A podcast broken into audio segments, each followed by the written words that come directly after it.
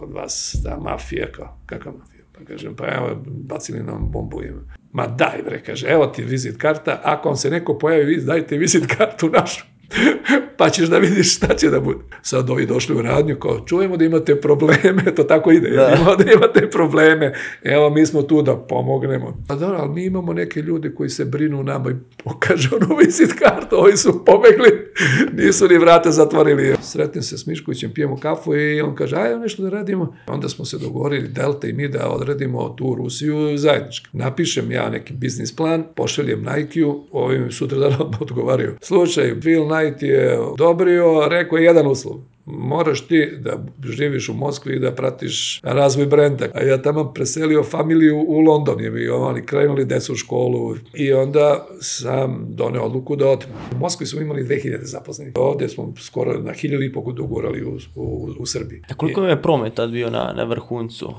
pa 200 miliona ovde, da 250 miliona Srbija i svaka od ovih zemalja po 50 miliona Beč je nekih 150 i Moskva išla i do 400. Koristim ovu priliku da spozove na prvu biznis priča konferenciju, najveća biznis konferencija u regionu koja će biti 5. i 6. aprila u Novom Sadu. Broj karate je ograničen, a informacije možete naći na linku u opisu ovog podcasta. Ako tražiš jednostavan i pristupačan način za međunarodna plaćanja, Payoneer ima rešenje. Payoneer je vodeća globalna platforma za međunarodna plaćanja koja sarađuje sa freelancerima, malim, srednjim preduzećima, kompanijama i tržištima u cilju rešavanja njihovih najvećih izazova navezanih za proces plaćanja. U samo nekoliko klikova preko Pionira možeš otvoriti poslovni račun u inostranstvu. Bez obzira da li se nalaze u Americi, Evropi ili Aziji, klijenti ti veoma brzo i jednostavno mogu platiti lokalnim bankovnim transferom i tu valuti koja njima najviše odgovara. Zaboravi na beskrajnu papirologiju, uz brzu online registraciju otvori račun u regionu gde su i tvoji klijenti. Link za registraciju se nalazi u opisu podcasta, bilo da gledate ili slušate neko skaliranje dalje, dalje neki ono level up. Tako ćemo da krenemo. Prije za to. Apsolutno da, da. Učite iz grešaka. Biznis priče. Danas sa nama Toplica Spasović, osnivač ITM grupe, jedan od pionira biznisa u regionu Toplice. Dobrodošli u Biznis priče. Hvala vam za poziv. Krenuli ste, završili ste ekonomski fakultet i za vreme studentskih dana bili ste zagriženi za biznis, pokušavali ste, koji su to bili sve pokušaj tada u socijalističkoj Jugoslaviji? Pa dobro, uvek sam bio entuzijasta i volao sam privatan biznis. Ako računamo igranje košarke za novac i ako je to biznis, onda... Ako za novac, onda jeste. onda jeste. Ovaj, tu sam spojio zadovoljstvo, a i, da kažem, neku materijalnu korist. Ali pre svega je to bilo zadovoljstvo. Uh, ali sam e, i uvozio jedno vreme e, video i audio uređaje iz Britanije, iz Nemačke i kada kod nas nije bilo dovoljno toga i nije bilo zastupnika za, za te uređaje. Kad sam se zaposlio, 81. godine sudbina me je poslala da počnem da radim Sony, koji je bio dosta podcenjen u tom momentu i ljudi nisu mnogo ni znali, ali i kanali koje smo mi imali u tom momentu su bili vezani ne za direktnu nabavku, nego preko Sonija Švajcarske, a Švajcarska, kao što znate, najskuplja, imali su svoje velike marže, tako da su ovde ti uređaji bili jako skupi. Ko je I, kupovao to? Pa uglavnom su tu kupovali ambasade ili ovi naši povratnici iz inostranstva koji su imali ovaj, dozvole da u, za uvoz bez carine. Carina, carina i porez je tad bilo preko 70%. Znači, na već skup uređaj koji vam dođe preko Švajcarske, vi treba da platite 70% i to je bilo jako velika cena i celokupan promet e, sa Sonijem u to vreme je bio nekih 500.000 švajcarskih franaka ili maraka u to vreme, svejedno, a imali smo i taj ovaj, profesionalni deo koji je bio tako nešto ispod miliona. E, posle 5-6 godina rada na brendu, na kanalima nabavke, a i na kanalima prodaje, uspeli smo da dođemo do 120 miliona. Znači, samo za 7-8 godina. Ovaj, to je bila eksponencijalni rast presudnu ulogu je u tome e, e, bilo e, moj, moja poseta Japanu i upoznavanje sa predsjednikom i osnivačem e, Sony Akio Moritom. E, ja sam mu se svideo i, i sa konceptom koji sam imao, a jedini mi zadatak bio da tražim da nam nađu drugi kanal snabdevanja, da to ne bude preko Švajcarske, da to bude ili Nemačka ili direktno ako je moguće, mada smo im bili u tom momentu malo tršte za to. Njega, s druge strane, je fascinirala istočna Evropa, tad je to bila gvozdena zavesa, mi smo imali biznis i u Rusiji, ja sam putovao i tamo, i njega je sve to zanimalo. I Jugoslavija kao Jugoslavija, bez obzira na ove visoke carine i poreze, znao je on da će u jednom momentu i to da bude zanimljivo, da će porezi da se smanje i carine, da će Evropa, istočna Evropa da postane njegovo tržište i ja sam mu bio neko ko je iz prve ruke mogu da mu kaže kako to izgleda i kako funkcioniše.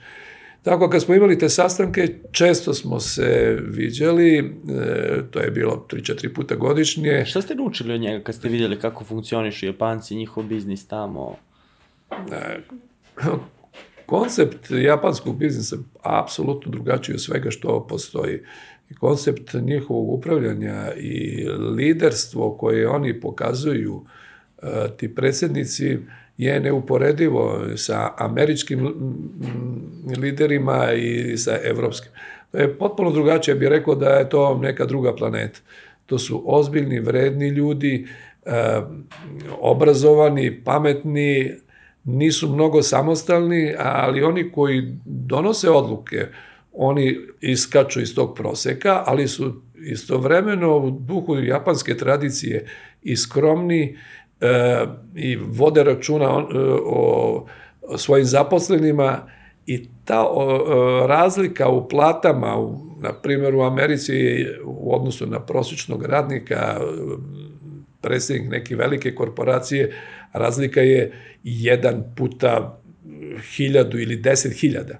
U Japanu je to bilo jedan puta sedam, osam, devet, ne, ne više da su svi osnivači velikih firmi u Japanu u to vreme stanovali u stanovima od 50-60 kvadrata, e, nisu hteli ni po čemu da se ističu. Ovaj, njihova organizacija je apsolutno savršenstvo. Evo, reći ćemo jedan primer, posle naših e, dugogodišnjih i komunikacije i viđenja smo se često a, u Singapuru, pa u Havajima, pa u Tokiju, e, više puta videli na doručku, ručku, uvek je želo da popriča malo sa mnom šta se dešava na ovo. Na kraju sam ga ja pozvao da dođe u Srbiju, on je došao u Jugoslaviju tadašnju, 90. godine. Naša vlada mu je dala tretman e, državnika sa svim državničkim počastima. Ideja moja je bila da ga odvedem u EI Niš i da napravimo saradnju sa EI Nišom i mi smo dosta, pri, dosta sam pripremio teren za to I kad je on došao, mi smo uh, ispred Savezne, ispred Republičke vlade je zadužen bio uh, Mišković, predsjednik Delte, sa kojim sam se ja tada kao i danas družio i imali dobru komunikaciju i Sloba Milošević je rekao neka bude Mišković, Toplica je dobar sa njim, njih dvojici se se dobro slažu u, u, u ta 3-4 dana jer je Miloševiću jako važno bilo da je ugosti jednog takvog uh, svetskog biznisa. U tom momentu je on bio kao što Elon Musk uh, u, u svetu ili Jeff Bezos.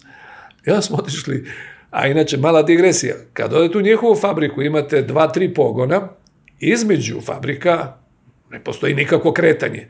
Ako treba nešto se prenese iz fabrike A u fabriku B, onda to odrade roboti. Oni imaju te stazice kojima idu, sve se to stavi, to roboti idu. Kao između linija u, u, u fabrikama za proizvodnju, samo kruže roboti. Ja vam govorim o 84. i 5. i 6. godini. Znači, roboti kruže između i vi stavite šta treba se odnese na neku drugu liniju i oni odnesu kad smo došli u Ejniš, Ejniš je ukupno imao 30.000 zaposlenih, a u samoj fabrikama u Nišu možda 20.000. Oni su imali ulice, semafore, deset, desetak onih ogromnih zgrada. I sad kako smo mi ušli, cela kolona uh, ušla unutra, na ulicama u, u okviru kruga fabrike, ne govorim sad u Nišu, u krugu fabrike, je bilo jedno 5000 ljudi koji su šetali tamo ovamo im.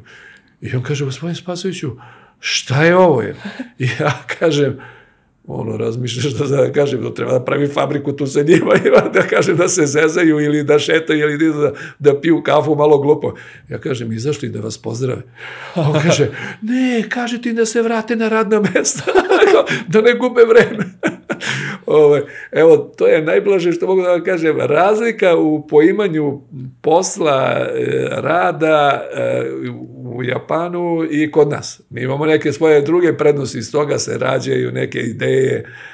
E, to što smo mi tada imali, a i sada malo kod nas, to su usvojili i Apple i Google, znači tamo se igra bilijar za vreme rada, pije se kafu u kafićima, da bi se izvukla kreativnost. I možda jedan od razloga što naši ljudi su tako kreativni i kad odu van zemlje e, su jako uspešni, upravo što se ta kreativnost dešava u, tim, u toj kafić kulturi, u toj mediteranskom pristupu životu koji mi imamo. Jesmo tad bili možda i previše, previše i opušteni i kreativni? pa jesmo, imali smo mi fantastične proizvode, možda smo imali veliku i jaku administraciju i e, imali smo i dosta pritisaka da ta naša tadašnja Jugoslavija nije mogla da, je, da izdrži konkurenciju e, Zapada. Nismo bili spremni, bili smo izolovani sami bez obzira na ove nesvrstane sa kojima smo bili povezani. E, nisu ni oni bili mogućnosti da mnogo pomognu, neki i jesu, i dobijali smo mi pomoć i od Libije u nafti po boljim cenama, govorimo da smo dobili bolje cene, ali smo imali visoke troškove i vojske, policije, i političkog aparata, te administracije, tako da čitav koncept te naše Jugoslavije nije bio konkurentan u odnosu na neke zapadne zemlje koje su to mnogo racionalnije radile ali je zato možda i naš radnik, e, prosječan radnik, e, bolje živeo, uslovno rečeno, od njihovog radnika. Mi ćemo to tek sada da vidimo šta to znači. E, kad pogledate koliko košta zdravstvo, znači svakog od nas, mi još uvek imamo zdravstvo koje nije kolapsiralo, ali možda se desi da se uruši. Pa onda koliko košta školovanje, već sad smo prešli na privatno školovanje, znači ako hoćete ozbiljne fakultete da, da platite, to je jako skupo, to prosječan građani ne može da plati. Znači, ostaje vam da radite za zdravstvo i za školstvo, a to je nekada bilo besplatno. To, to se nije ukalkulisavalo u platu koju dobiješ. E, I ne znam, radničko odmaralište, gde si mogao da besplatno boraviš. Većina fabrika je imala ta radnička odmarališta. Stanovi. Dobijaš stan besplatno i tako dalje.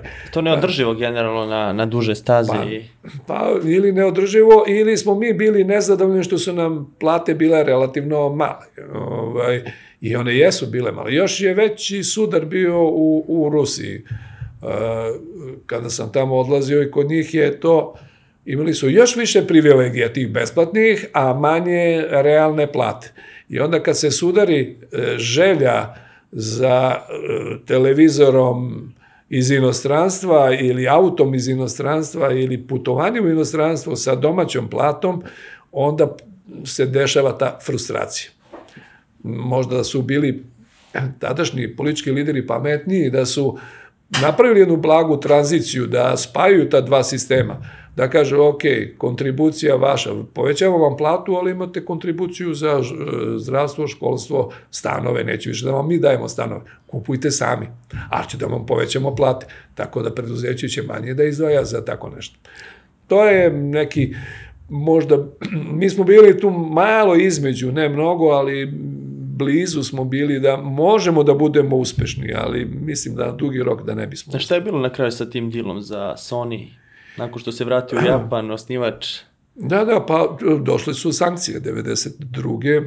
i onda se nije radilo ništa oko toga nekoliko godina. Ja sam, ovo govorim o vremenu kada sam bio u Jugoslavija Komercu, počeo sam kao pripravnik, završio sam posle 10 godina kao generalni direktor i predsjednik e, upravnog odbora, ali 92. godine kad su se e, ob- objavile sankcije e, Srbi, o Jugoslaviji, ja sam shvatio da je to početak kraja društvenih preduzeća, s jedne strane, i da je moglo da se prevaziđe to samo nekom privatnom inicijativom.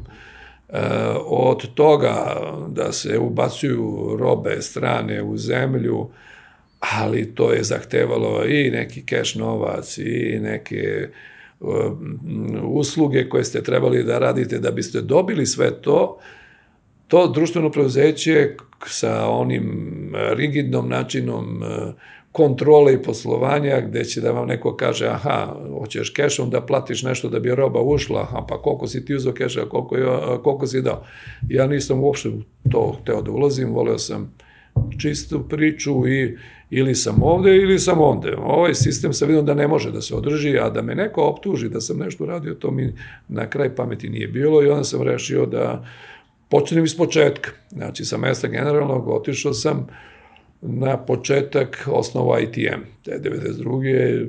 i tako sam na, nastavio da radim onako kako sam mislio da, i da sam sam sebi odgovoran, a ne društvu, drugim e, strukturama, čiji sam ja tada bio eksponent, ja, to je bilo društveno preuzeće. Ovako je moje privatno, pa ako pogrešim nešto, ako zabrljam, to je e, moja greška i meni se računam. Šta znači taj naziv ITM? Pa, ambicije su nam bile od samog početka velike i, i teli smo da budemo međunarodna kompanija, što smo na kraju i bili. E, i ITM znači International Trade i Marketing pošto smo volili da promovišemo, da se bavimo i marketingom i trgovinama, ali da promovišemo i da pravimo nove proizvode, što smo na kraju uradili i doveli smo veliki broj e,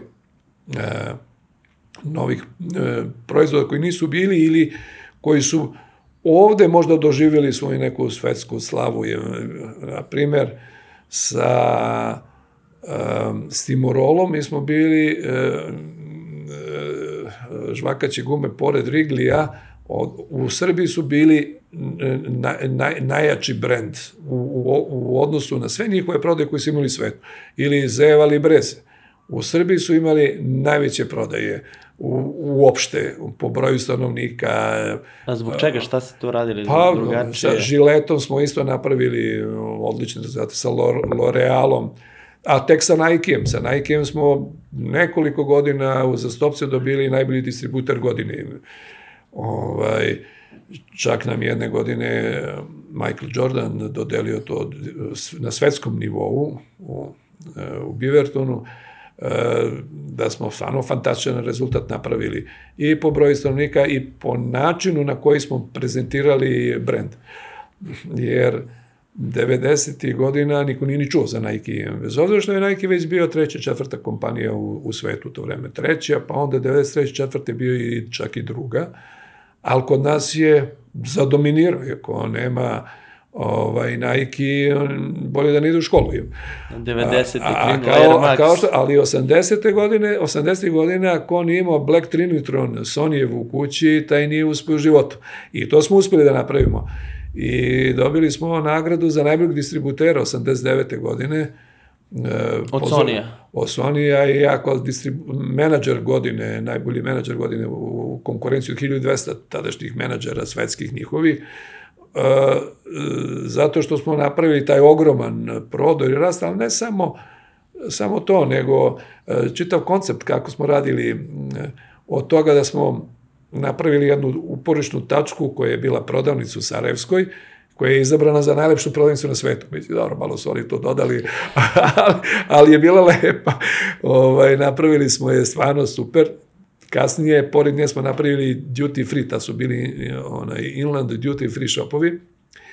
I a, tu su redovi bili po 200 metara. 200 metara red da se kupi televizore. Tako smo Um, Kao Steve, Steve Jobs. Da tako smo napravili uh, kampanju da je to najpoželjniji proizvod koji možete da imate na, sa, Prestiž. sa tržištu. Prestižni proizvod i, i onda posle toga to samo ide, kao što je i sa Nike-em uh, urađeno. Slično smo i sa Tommy Hilfigerom uradili, napravili smo divne promocije, ovaj, to posle uh, je etablirano kod top brand, iako je Tommy Hilfiger srednja viša klasa, ovde se računa oko visoka klasa ima. A kad ste izašli iz firme i krenuli da pravite svoju firmu, ko su bili prvi zaposleni, koga ste tu doveli? Pa, petorica mojih drugara sa fakulteta i e, jednog iz Filajnca, bio druga, kum, kum sa kumom sam to zajednički napravio, tako da e, smo imali to čvrsto jezgro, ali smo se brzo širili. je. Brzo smo to došli do, do preko hiljadu zaposlenih. Kako je tada moglo da, da se funkcioniše? Morali ste imati firmu u inostranstvu? Da, da, mi smo paralelno otvorili, znači kad smo otvorili u Beogradu, otvorili smo na Kipru, da bi mogla da vršimo plaćanje, odavde plaćanje nisu išla, a, onda firmu Makedonije da bi mogli da uvozimo, da bismo dobijali preko makedonske vlade dozvolu da uvezemo robo, ali smo morali da platimo 5% njima, a to, je, to im je odobreno od, Ujedinih nacija kao kompenzacija za sankcije koje su sprođene prema Jugoslaviji. Oni su to kompenzirali i Bugarskoj i Rumuniji, jer nije bilo tog malograničenog prometa, nije bilo tranzita, tako da su te zemlje bile dosta oštećene.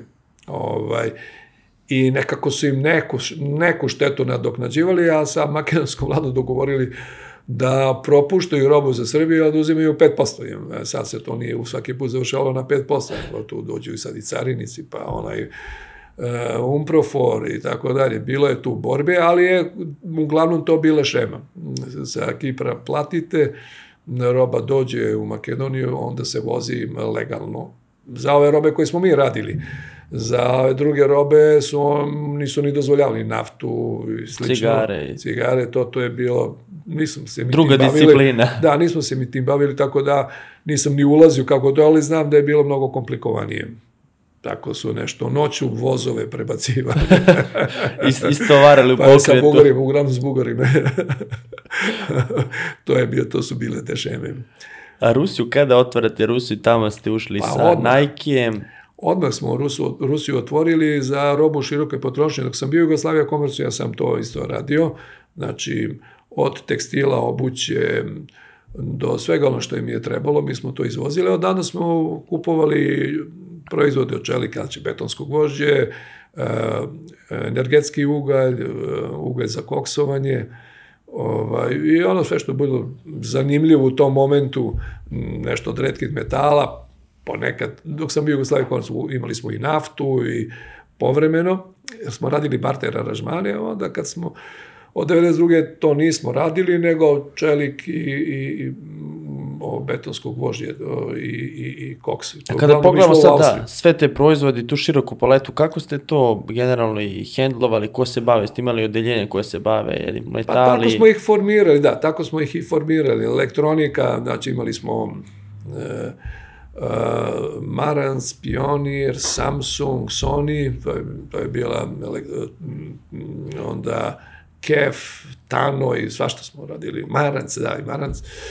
Ovaj, pa onda roba, roba ova široke potrošnje, Gillette, L'Oreal, Glaxo, m, e, onda ove, baterije Duracell, tako, bi- bilo je još desetak tako tih manjih Kakva je situacija za, za biznis tada bila u Rusiji kad ste odlazili? Pa bilo je poprilično konfuzna je. Mi smo došli 92. znači um, e, kad sam, kad je direktor e, Nike Evropa mi je rekao, kaže, e, mora mi pomogneš nešto. E, ja kažem, šta, mi smo postali dobri prijatelji. Kaže, ovi, ovi iz Nike me teraju da radim i, i Rusiju, a ja, mi, mi, mi se uopšte ne ide, ajde idi ti tamo to ko radi, evo ti ekskluziva. Ja kažem, ma daj bre čovječe, ne mogu, nema, ne mogu sve ove brendove, tamo smo krenuli, nemamo ni novac, nemamo ni banke koje će da nas podrže. Tad si mogao da dobiš i robo i na otvoreno ako si imao dobru priču, ako si imao dobar koncept, ako oni vide, razumeju da ti znaš šta hoćeš i da to možeš da sprovedeš, ako si dovoljno uverljiv. Ovaj, ali ovo za Rusiju, to, je, to su velike investicije, kažem, nisam. Ja me nagovarao, nagovarao i na kraju sretnem se s Miškovićem, pijemo kafu i on kaže, ajde nešto da radimo. I ja se seti, kažem, ajmo ovo. I onda smo se dogovorili, Delta i mi, da odradimo tu Rusiju zajednički. Napišem ja neki biznis plan, pošaljem Nike-u, ovim sutra dana odgovaraju. Slučaj, bilo je u Bivertonu, Phil Knight je odobrio, rekao je jedan uslov. Moraš ti da živiš u Moskvi i da pratiš razvoj brenda. Kaže, ovako ne dolazi obzir. Kaže, jedna dobra vest, jedna loša. Jednostavno, dobio si posao, a drugo mora da ideš u Rusiju. A ja tamo preselio familiju u London, je mi oni krenuli decu u školu, i tamo sam napravio firmu za rad sa, sa Velikom Britanijom, jer računao se malo će da budem tamo, malo Beograd, malo Beč, kada ono sad upade i Rusi. A Rusiju smo uradili, ovo, imali smo čoveka, bivšeg direktora uh, centru tekstila, koji je doajen tamo bio, sedeo je u Moskvi 20 godina i to što sam mu dao kod tekstila, to je za njega bilo onako stvarno prosto, ovo malo mu je komplikovano bilo sa metalima, ali su mu pomagali moji odavde. I to je funkcionisalo nekako. Nisam ja morao tamo da idem, možda odem da, jednom u tri meseca. A sad ovo je bilo druga priča. Ovaj, I onda sam doneo odluku da odem.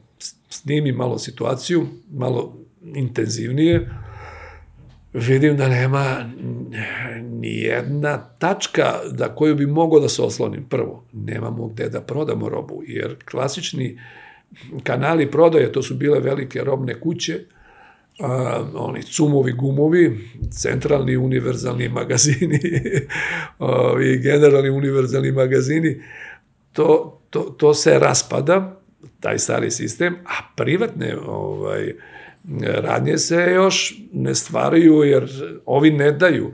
Kao što su splavovi u Beogradu nastali tako što da prelazu između onog e, socijalizma gde su državne firme držale sve lokale i nisu teli nikome da daju, pa su preduzetnici se dosetili splavova na ničijoj zemlji to da naprave, jer da sazidaš lokal nije bilo moguće, e, ali na brodu možeš.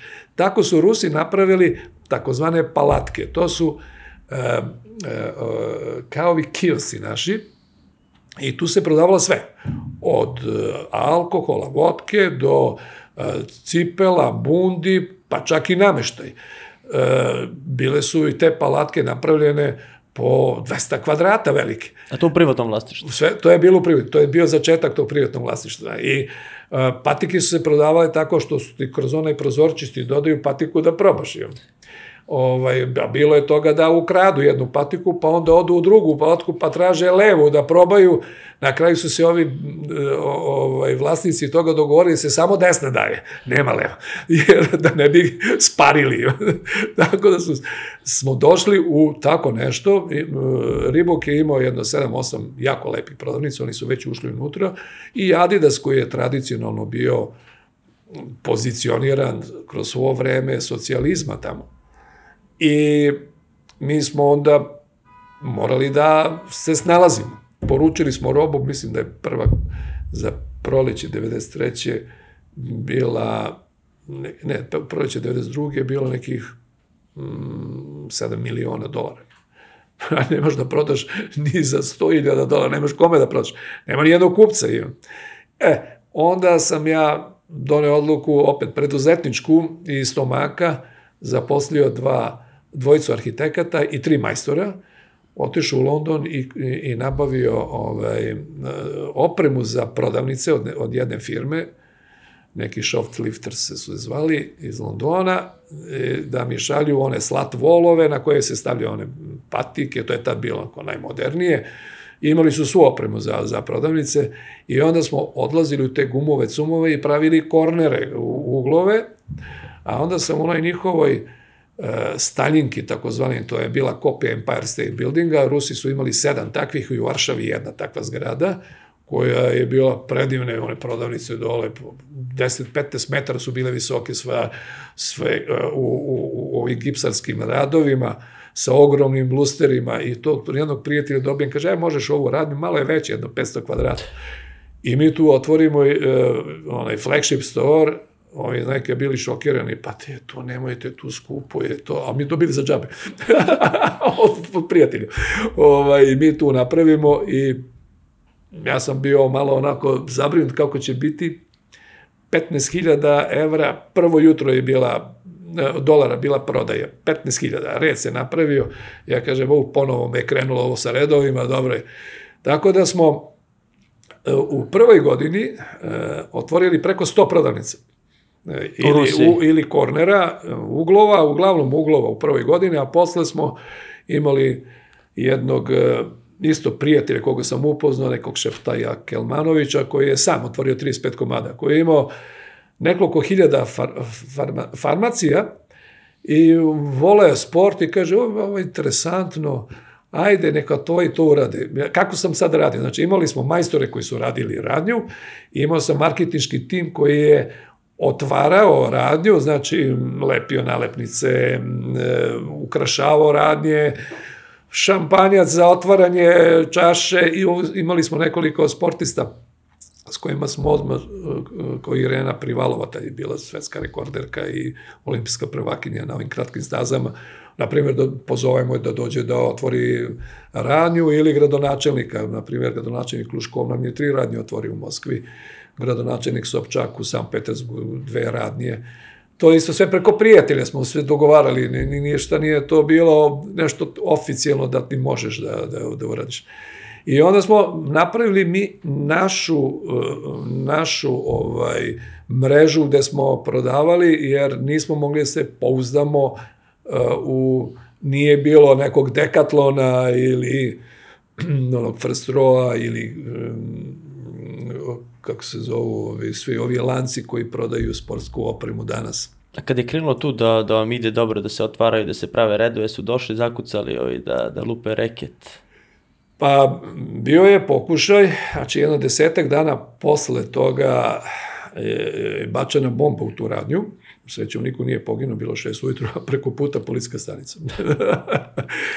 ovaj, I bilo je pritisaka tu, međutim mi smo to relativno brzo sredili, tako što smo već kao svi Srbiji, volimo sve sportove, ja sam išao na sve utakmice, i košarku, i futbal, i hokej, i gledao, sprijateljili se sa njima, počeli, pre svega sa CSKA, koji je najveći klub tamo, počeli igramo košarku sa njima i sa onim Jerominim, Žar Muhamedom, to su ona ekipa, ona stara iz onog vremena, sa Gomelskim eh, njihovim eh, trenerom, najčuvenijim ruskim trenerom sam isto postao prijatelj, kako se družili i onda hoćemo da, da, da uz- uzmemo, distribu, da uzmemo uh, sponzorstvo CSKA.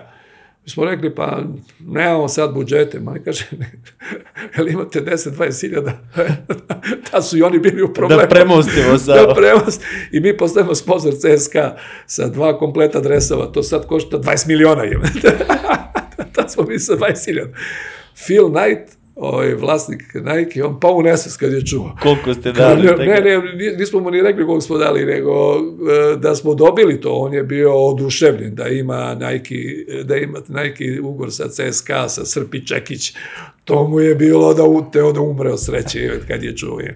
Ovaj, ali to smo završili više na tu našu slovensku povezanost, na iskrenost koju smo imali prema njima, to što smo igrali košarku, igrao sam i sa Sergejem Belovim, košarku i, i, i, i, i dobro sam ga čuo. I, tako da, ni, igrali smo sa reprezentacijom Rusije u juniorskom, evo oni su nas razvalili, ali ova moja ekipa, Da. moje društvo iz firme. I to me pomoglo da rešite ovaj problem. I oni nam, i, i, sad, naravno, njih drži vojna obaveštajna i vojska, vojni klub im. Ovo, čak sam dobio i o- neko odlikovanje od eh, Gračova, ministra odbrane, za podršku njihovom sportu. I onda i mi kažem, nešto pričamo, ja kažem, a da, vi bre, kod vas, ta mafija, kao, kakva mafija? Pa kažem, pa evo, bacili nam bombu i ovaj, on kaže, ma daj bre, kaže, evo ti vizit karta, ako vam se neko pojavi, vi dajte vizit kartu našu, pa ćeš da vidiš šta će da bude. I sad ovi došli u radnju, kao, čujemo da imate probleme, to tako ide, Da. da. da imate probleme, evo mi smo tu da pomognemo. Ovaj, I u tom momentu i kažu, pa dobro, ali mi imamo neke ljude koji se brinu nama i pokaže ono vizit kartu, ovi su pobegli, nisu ni vrata zatvorili, tako da smo se tako spasili. Ali je u tom momentu bilo, bilo i mogu se da vidiš svaki drugi, treći dan kad idem kolima na posao, vidim zapalen automobil sa strane, one eksplozivne naprave, Bilo je svega i svačega, to je bio divlji kapitalizam, ali baš divlji. Mislim da ni na, u Americi onih u 19. veku nije bilo tako kako je tamo bilo. Posle, posle toga se to polako sve ulazilo u, u tokove normalne, korporacije su se velike formirale i na kraju je Nike i sam došao, pa je preuzeo taj posao. A inače, Finland je rekao da nikad neće da ujde u Mosku da radi posao. I na kraju došli su, došli su. Kad su videli kad, kako kad sve, da sve funkcioniše, da mi smo uzeli i Spartak i CSKA, sve on, i Dinamo i sve redom, i Moskovski maraton, sa svima smo se lepo izdogovarali, iako smo imali veliku i ozbiljnu konkurenciju, pre svega tradicionalnu u Adidasu, a e, e, posle toga i u Ribuku koji je bio dosta e, eksplozivan, ekspanzivan u, u tom momentu. Sećam se, ja kad sam došao, ja sam odmah pozvao direktora Ribuka i Adidasa na večeru i da im kažem, mi smo novi, igramo fair i pošteno, ko pobedi, nek pobedi, mislim, za svakoga ima posla i tako da smo imali dobru komunikaciju. I kad je ta bomba bila, ja, zvali su me negde pola sedam ujutru i ja ulazim i stavljam klju, ključ u bravu i razmišljam da, da, da, su, da li je i dole bomba i tako je vreme bilo. Ovaj, zove, došao tamo ovaj direktor Riboka, uh, Maksim Ignjate, već došao sa svojim timom i sad da mi kaže, sine, nismo mi. Jer se odmah posumnja na konkurenciju. I onda su njegovi isto pokušali da je da nađu ko su ti. Na kraju su ih našli neki klinci iz kraja, neka mafija u, u pokušaju. Kako su oni rešavali te i privatizaciju Rusije? Oni su to dosta divlje preuzimali za... Pa kod njih je koncept e, koji su e, prihvatili i Jeffrey Sachs koji je bio pre neki dan, on je bio jedan od savjetnika, je bio Igor Gajdar, e, ministar, premijer, prvi Čubajs, ministar za privatizaciju, i oni su prihvatili taj radikalni koncept iz tačke A u tačku B što pre. Ovaj, ovu svu trojicu sam poznavao i Gajdara, Gajdarom me upoznao Zoran Đinđić koji je a, tada dolazio kod mene da me poseti, a i do, da vidi Gajdara, su imali neki, neku komunikaciju, pa smo izlazili na ručko i pričali. I ja vam rekao, vam nije najbolji koncept, ne znam kako će da se pokaže ovaj, mi smo ovde u Srbiji malo drugačiji taj koncept postavili. Je više bio otvoren za privatizacije s polja nego Iznutra. zato, zato mi iznutra ni nemamo mnogo tih management buyouta, svega nekoliko ih je bilo, gde su menadžeri preuzeli svoje firme ili da su neki lokalni ljudi nešto ozbiljno kupovali. Pri tome mislim EPS, NIS, uh, pivare, onda prehrambena preduzeća, cementare, to na, naši ljudi nisu kupili. Tamo su sve njihovi ljudi kupili, sve rudnike, sve živo što je bilo zanimljivo, su njihovi ljudi kupili. Bliski vlasti ljudi. Pa, Oligarsi. blisk, pa bliski, da, u tom momentu morali su da budu sa Jelcinom ili sa Tatjanom Jelcinovom čerkom. To je najbliži bio Abramović i Berezovski i oni su nakupili, Bezovski kupio a, a, distribuciju autovaza, a, to je ona Lada i ostalo, kupio 25% Aeroflota, kupio 25% nacionalne državne televizije, a pare nisu vidjeli, ne znaju kako je kupio, ali je postao vlasnik. Dakle da, i brdo drugih, Oksibnjeft, koji je posle predao Abramoviću, to je kupio za 600-700 miliona, posle je to Abramović prodao državi Rusiji nazad za 13 milijardi. Ovaj, jedan od uzroka njegovog bogatstva je. Mislim, mogo je on da proda nekom drugom za te iste pare, da mu nisu oni osporili, nego se ipak dogovori. Možda i za ve, veće pare mogu da proda nekoj stranoj firmi. I u, u tom haosu e, su se snašli oni koji su najjači fizički, najbrže misleći i ta kombinacija jednih i drugih. Naprimer, uh, Alfa banka ili um, Tjumenski naftni kombinat s kojima sam isto bio blizak i dolazio sam ih ovde i dolazili su, hteli su da kupe Beopetrol, ondašnji, to je sad Lukoil, pa to Lukoil posle kupio. Petar Raven je bio ministar financija u Gajdarovoj vladi. I bio sam dosta dobar uh, sa njim. I on je bio uh, predsednik upravnog odbora Alfa banke, njihove najveće banke, privatne, Sberbanka je državna najveća, oni su bili posle nje najveći, a, i Tjumenskog naftnog kombinata. A generalni direktor ili CEO je bio a, German Kahn, a, bokser koji je prodavao tepihe na ulici 91. godine, 92. su ga. I ta kombinacija intelekta i sirove snage je izgurala te privatizacije njihove. Pričaju mi kad su uh, uzeli Orenboršku naftno polje, na primer. Kaže, naš avion sa naoruženim ljudima je sleteo pre njihovog aviona, misli na, na uh, Jukos, Aha. onog Hodarkovskog. Onda smo mi zauzeli prvo aerodrom, a onda smo otišli da damo ponudu za privatizaciju toga. Oni su pokušavali, ali mi smo pucali u njihova kola, pa smo odustali. tako, tako se dešava. I onda su oni jedini bili na, u 12 sati kad je bilo ono otvaranje njihova ponuda tu i ne mogu da dođu jer čuju snajperi nema, nema prijeza. Jeste upoznali neke njihove oligarhije? Pa evo, ove sve te sam i poznao od Abramovića, do Berezovskog, um, Petar Raven, German Kahn. Kako su oni posle vodili te firme? Ok, uzeli su to privatizaciju, jesu dovodili strani menadžment ili... Bilo je raznih e, kombinacija. E, čak su se i povezivali. Naprimjer, Tjumenska naftna kompanija se povezala sa British Petroleum 50-50. Tako da su dobili e, e, a, British Petroleum je uzeo Davora Šterna, bivšeg ministra uh, energetike Hrvatske i podpredsjednika vlade. Njega su uzeli u taj tim. Mislim, pošto sam ja Davora znao i od ranije, a, a i tamo smo se videli. Ovaj, oni su iskoristili koncept kako oni upravljaju i, i, i dali su im 50% firmi, mislim, prodali su im za 6 milijardi, koliko se seća. To je bio jedan od načina da, da uzimaju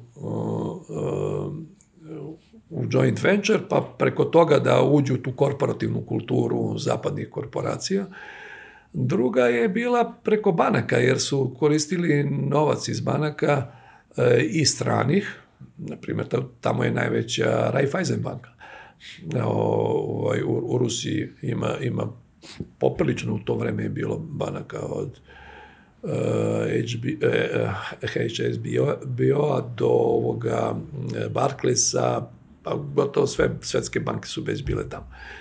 E, e, I onda bankari ti nameću korporativna upravljena, da će ti niži, nižu kamatu ako formiraš nadzorni odbor. I ako nadzorni odbor staviš ozbiljne ljude koji imaju težinu i koji imaju znanje, to je signal da neće biti nekih zloupotreba i, i prebacivanja para odavde odande. Ovaj, treće, i oni su se obučavali na zapadu. U tih deseta godina puno njihovih klinaca je otišlo e, u, u zapadne, na zapadne fakultete. Baš su, pa su voleli, se vraćali, London su baš voleli. Da, pa su se onda vraćali jer su dobijali bolje ponude u svojoj zemlji ovaj, jer su mogli. Velike su razlike u ceni, veliki su profiti bili, e, tako da Abramovića smo vidio kad sam bio predsjednik Zvezde 2008. E, smo imali jedan teniski tu, e, e, futbolski turnir. To je isto zanimljiva priča. 93. četvrte godine smo mi igrali u jednoj sali, malo izabrali smo neku salu, neka sportska gimnazija i tu smo igrali košarku i ja zakupio tu salu da, za ove naše da igramo, pošto su svi nešto voleli da igraju. I onda a, smo dobili neke pare od Nike-a, nekih 100.000 dolara, da sredimo a, salu a, neku gde bi Nike jednom godišnje pravio neki, neki događaj. I mi smo se dogovorili sa ovima, naravno oni su to sve sami uradili, sami krećali, farbali, menjali parket, e, zaposleni, jer nisu imali tada stvarno uh, od čega da, kako da prežive. I onda sa, sa tim parama oni isplatili stare plate, kupili novu opremu za školu, toliko su nam bili zahvalni, to je bilo stvarno jedno dirljivo. I 2000, 2007. ja u Zvezdi zovem telefon, kaže sekretarica zove vas Sergej iz Moskve. Kaže, ja ne sećam koji sad ima puno Sergeja. Javi se čovjek i kaže, da li ste vi toplica što je bio u Moskvi? Kažem, jesam. Pa vidio sam, kaže u nekim novinama da ste vi predsjednik Zvezde. Evo, ja sam direktor Abramovićog sve ruskog sportskog saveza, to je organizacija koja Abramović dao nekoliko stotina miliona da pravi terene sportske širom zemlje, da finansira sportiste i u okviru toga hoćemo da napravimo jednu promociju e, sa, zajedno sa državnom televizijom ORT, to je kao naš RTS, pravimo turnir u Izraelu. U Izraelu zato što u februaru pa je toplo vreme može da se reprezentacije pripreme. A ja sa Dikom Stojanovićem i sa nadzornim odborom gledamo kako da skupimo pare da za pripreme sportista. Kaže, sad je vreme da vam vratim uh, ovaj dug koji imam prema vama. Ja kažem, kakav dug? Pa onaj sto ili što ste nam dali. Pa kažem, dobro, vi ste nam dali tu salu i to. Ma, kaže, vi ste nama pomogli, ne mogu da vam objasnim. Kaže, evo ja vam sada kao direktor turnira, pozvali smo Spartak i CSKA iz Moskve, Šaktjor i Dinamo Kijev iz Ukrajine, ukrajinskog uh, uh, prvaka, mislim da je bio Makabi iz Tel Aviva, kaže imam pravo još jednog da pozovem i kaže ja se setih vas kad sam vidio, taman mi je šansa da vam vratimo ni 100.000. Evo dobijete 100.000 ako doćete. Ja kažem, dobro. Kaže, i plaćamo vam avion, zakupite avion. A Sale Vlajsavljić je bio direktor Jati, bio kod mene u upravnom odboru. Sale kaže, sredit ćemo ovaj, po najboljim cenama, samo gorivo da se plati. Kaže, ja vam plaćam punu cenu. Kaže, kaže, i imate za 45 ljudi 15 dana u najboljem hotelu pripreme i učešće na turniru, pobednik turnira milion dolara nosi. ja kažem, kažem, pa dobro, hvala ti, ajde, pošli mi nešto napismeno. Kaže Dika, a šefe, to vas neko zezaje. a mislim, stvarno tako izgledalo. Takva ponuda izgledala kao da nas neko zezaju. Dođe sutra ugovor, mi ono ispodpisivo smo, u decembru smo išli na izlačenje parova, bilo je stvarno fantastično organizovano u Moskvi, Kaže, da je kao stvarno. I u februaru smo otišli, kraj januara ili tako, početak februara, i tad je bio Bramovićev rođendan, on je pravio tamo. Rođendan je bio nas kao, bio je Rinat Ahmetov, a, ovaj, a, vlasnik, najbogatiji Ukrajinac i vlasnik Šaktjora i ovog gazostalja i onoga svega što sad se bore tamo oko toga. Inače, njegov sin je ženio koletovu čerku. Um, Ozbiljno. Da, da. Ovo, I on je bio tamo i onda smo mi imali neku večeru sa Abramovićem, a, a pozvoje na hiljadu ljudi je bilo dole, mislim, napravila se lepa gužva i ova pevačica Pink iz LA-a poslao je avion po nju i po njen tim i oni su nam svirali to, to večer. Tako da smo se eto i tako i privatno družili, ne samo ovako službeno. Mislim, to, eto, to je zanimljiva pričica ovaj, kako se stvari vraćaju kad uložiš, e, oni ti se na kraju vrate. Spomenuli ste ono sad krizu i 90-ih, nama su bili ratovi pa se nije osetila ta kriza, imali smo druge krize, posebno u Londonu, zašto su ljudi iz Rusije, oligarsi posebno, tamo se sjatili svi u Londonu. Opa, išli su na to, na tu englesku tradiciju, e, ta ne, nepovredivost privatnog kapitala, kojim se sad obilo glavu, E, na, na tu tradiciju da pravosudni organi, onda arbitraže, najozbiljnije su sve tamo. Znači, ako imate neki problem, to se rešavalo u Londonu. I Engleska je, ajde kažemo, nekadašnja imperija. jedna od nekoliko svetskih imperija, od e, rimske imperije, pa onda španska, pa onda preuzela engleska, sad i američka, znači četiri svetske imperije su bile, oni su jedna od te četiri. Dosta su oni i po Americi, e, ima ih puno i sa poslom, ali ovo je zgodno, valjda i zbog dece, a i zbog e, biznisa. Tako da je to jedan od, možda i ključni razlog što su, što su svi otišli tamo. S druge strane, postojao je taj animozitet između britanske vlasti i, i, i, i Rusije uvek i oni su mislili ako odu tamo da će imati i sa te strane političku zaštitu, kao što su imali Berezovski ovaj, e, i, i ostali neko vreme. Ali se na kraju to ako su se deklarisali, da. Ako su se deklarisali, a on se deklarisao protiv Putina Berezovski. I njega sam vidio jedno desetak dana pre nego što je se ubio ili ga ubili, nemam pojma ko šta se desilo, videli smo se u nekom klubu znali smo se, od, mislim, od ranije i pozdravili smo se ako baš lepo i oni rekoše da se ubio zbog depresije. Nije mi delovo depresivan kad smo se videli. Služba. Nečija. Koliko ste tamo, to jest nakon Rusije, vraćate se u Srbiju ili... Da, da, da pa tamo sam bio prve dve godine, na, Prvu godinu sam bio skoro više od tri nedelje mesečno, drugu godinu sam jedno dve nedelje, kad se sve to ustalilo, kad smo napravili te prodavnice, kad to sve, sve pokrenulo, i onda nije bilo više potrebe, išao sam onda mesečno na 3-4 dana, samo da vidim kako ide. I ovi naši drugi poslovi su se razvili, mi smo uđe vremenu ubacili distribuciju opreme za pivarstvo i e, repromaterijale za pivarstvo, ovu našu odvojnu firmu nevezano za, za Nike, e, Rusija je tad krenula jednu veliku tranziciju iz onog hard likera i, i, i jakog alkohola, ono 40 stepeni, na pivo. To je bila nacionalna strategija kako da se smanji ta zavisnost od, te, od, vodke. od, od vodke.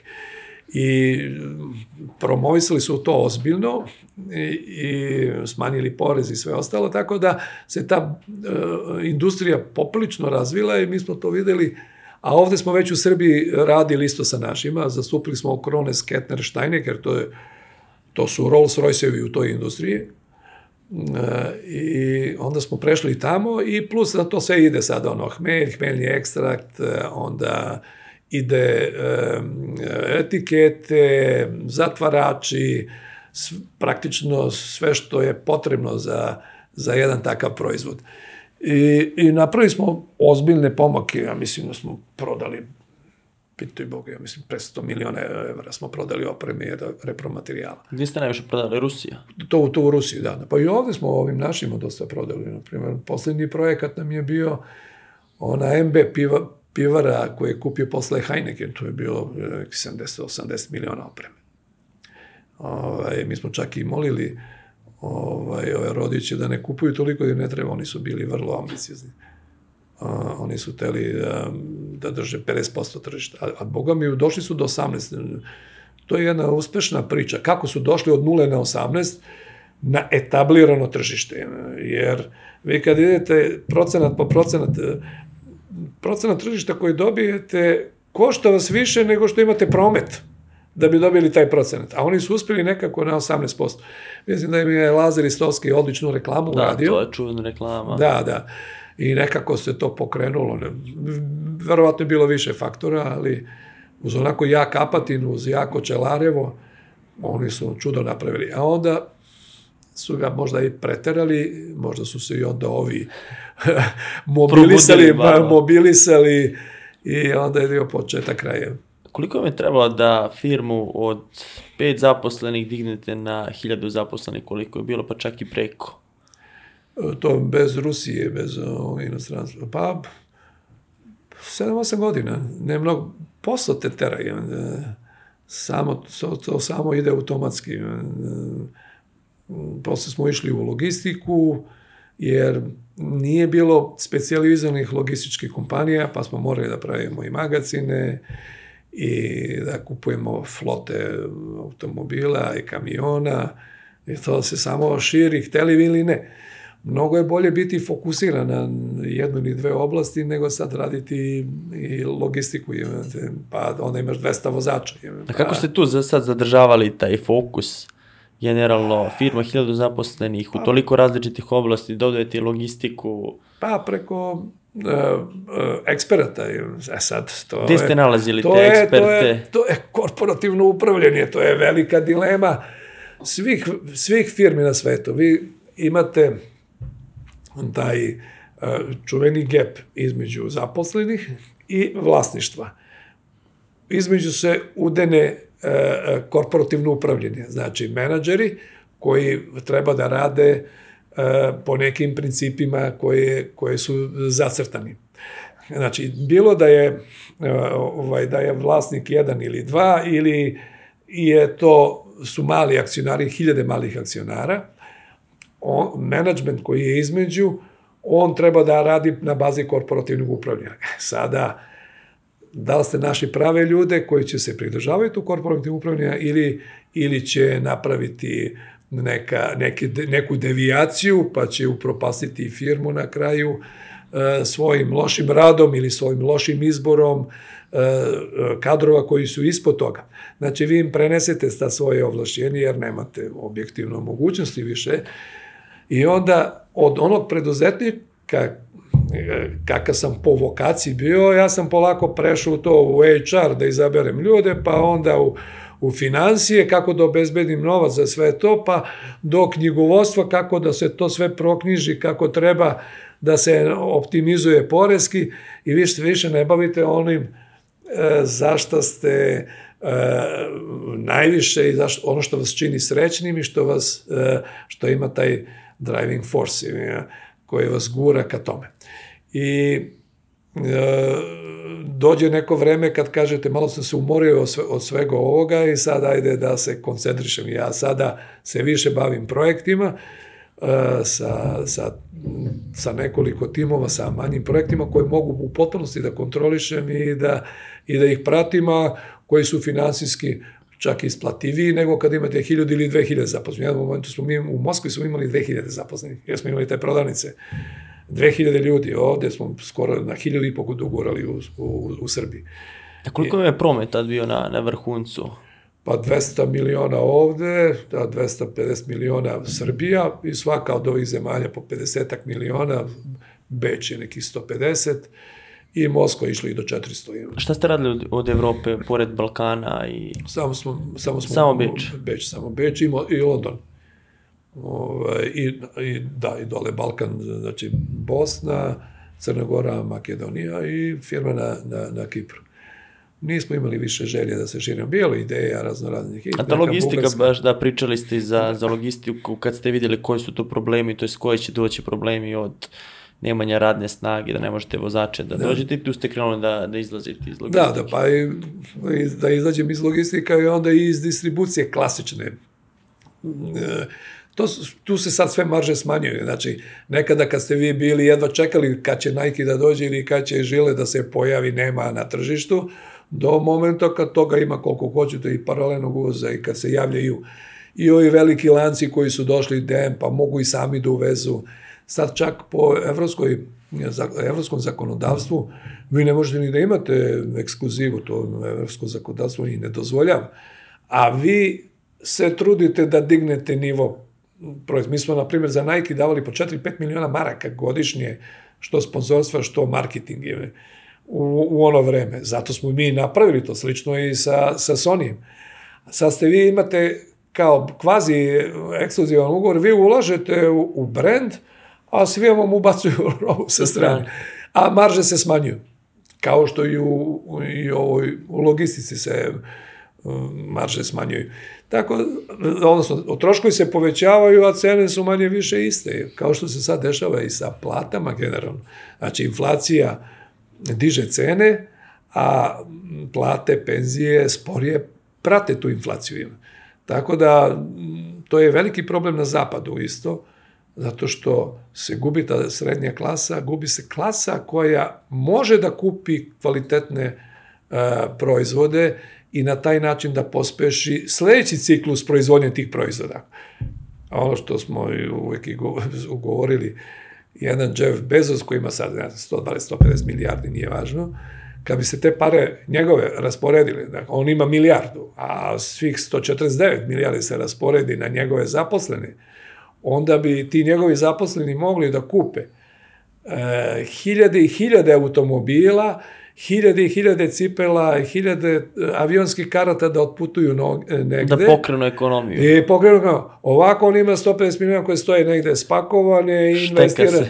i investirane u Apple i verovatno u Teslu i sad akcije Apple i Tesla idu u beskonačnost, ne znam, Apple vredi 2000 milijardi, a zbog toga što ima veliki pricak i, cene e, akcije rastu, a realno izbacije profite od 20 milijardi ili 30. I onda mm, kod nas kad odemo u banku, oni, oni ti gledaju, aha, je bita puta tri, toliko možda uzmeš kredit, gledaju ti odnos da ti profit bude 3, 4, 5% u odnosu na promet. Oni imaju 0,001% Ne bi dobio na kod promet. nas kredit. Pa ne, ne bi dobio nikad. Ja, ovaj, i, i, i, I super i svi srećni zadovoljni. Zato što ti koji imaju novac, oni ubacuju u tih nekoliko firmi tehnoloških koje imaju budućnost, ovaj, a, a ostale firme ne mogu da dođu do izražaja, ne mogu da proizvede, ne mogu da prodaju svoj proizvod, nemaju kome, jer se osiromašuje taj njihov potencijalni kupac. To je, to je problem. I, I ovde i kod nas e, će biti problem. Evo sad kad u, polako ulazimo u recesiju, osetit će se to. Gde I se najviše jednostavno- osjeća i, i recesija i sad ova situacija, sve moguće krize kad su došle jedna na, na drugu, gde se najviše osjeća? Pa osetit će se, evo ja, ja kažem, na, prvo na stambenoj iz- izgradnji. Um, kod nas to uvek ima onaj time delay. Kao što je ona kriza 2008. Kod nas je došla šest meseci posle. Odnosno, u, u Americi se pojavila onog 15.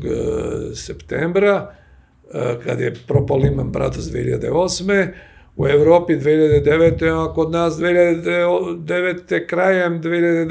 Znači sa velikim zakašnjenjem se pojavilo i- ako se sećate naših političara koji su govorili da nama kriza neće ništa da napravi. Mi smo da, otporni. Da, da, sva trojica koji se bave ekonomijom su to rekle.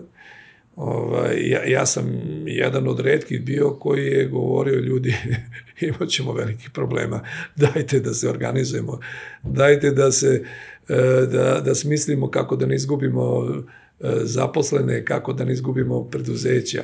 Jer kažem, doći će ovi koji će da izađu iz krize, kupit će sve ovo za, za džabe. Ovaj, onda su me e, šalili sa mnom, Mirko Cvetković kaže, evo Toplica, e, ekonomi, ekonomista, katastrofičar. I na I kraju je umira to smeh. došlo, da. I umira smeha. Slično će biti i sada. Ajde, ne znam, predikcija, nećemo ući u, u, u, u recesiju, kako kaže MMF, imaćemo rast a, 2% GDP-a. Svetski rast GDP-a je 1,9 će biti, tako je predviđanje, a prošle godine je bilo 5,9 rast GDP-a. A sad će biti samo 1,9 ovaj, što je veliki problem. Mi imamo sad nekoliko stvari koje će se prelomiš, prelomiti, kao što kažu amerikanci perfect storm.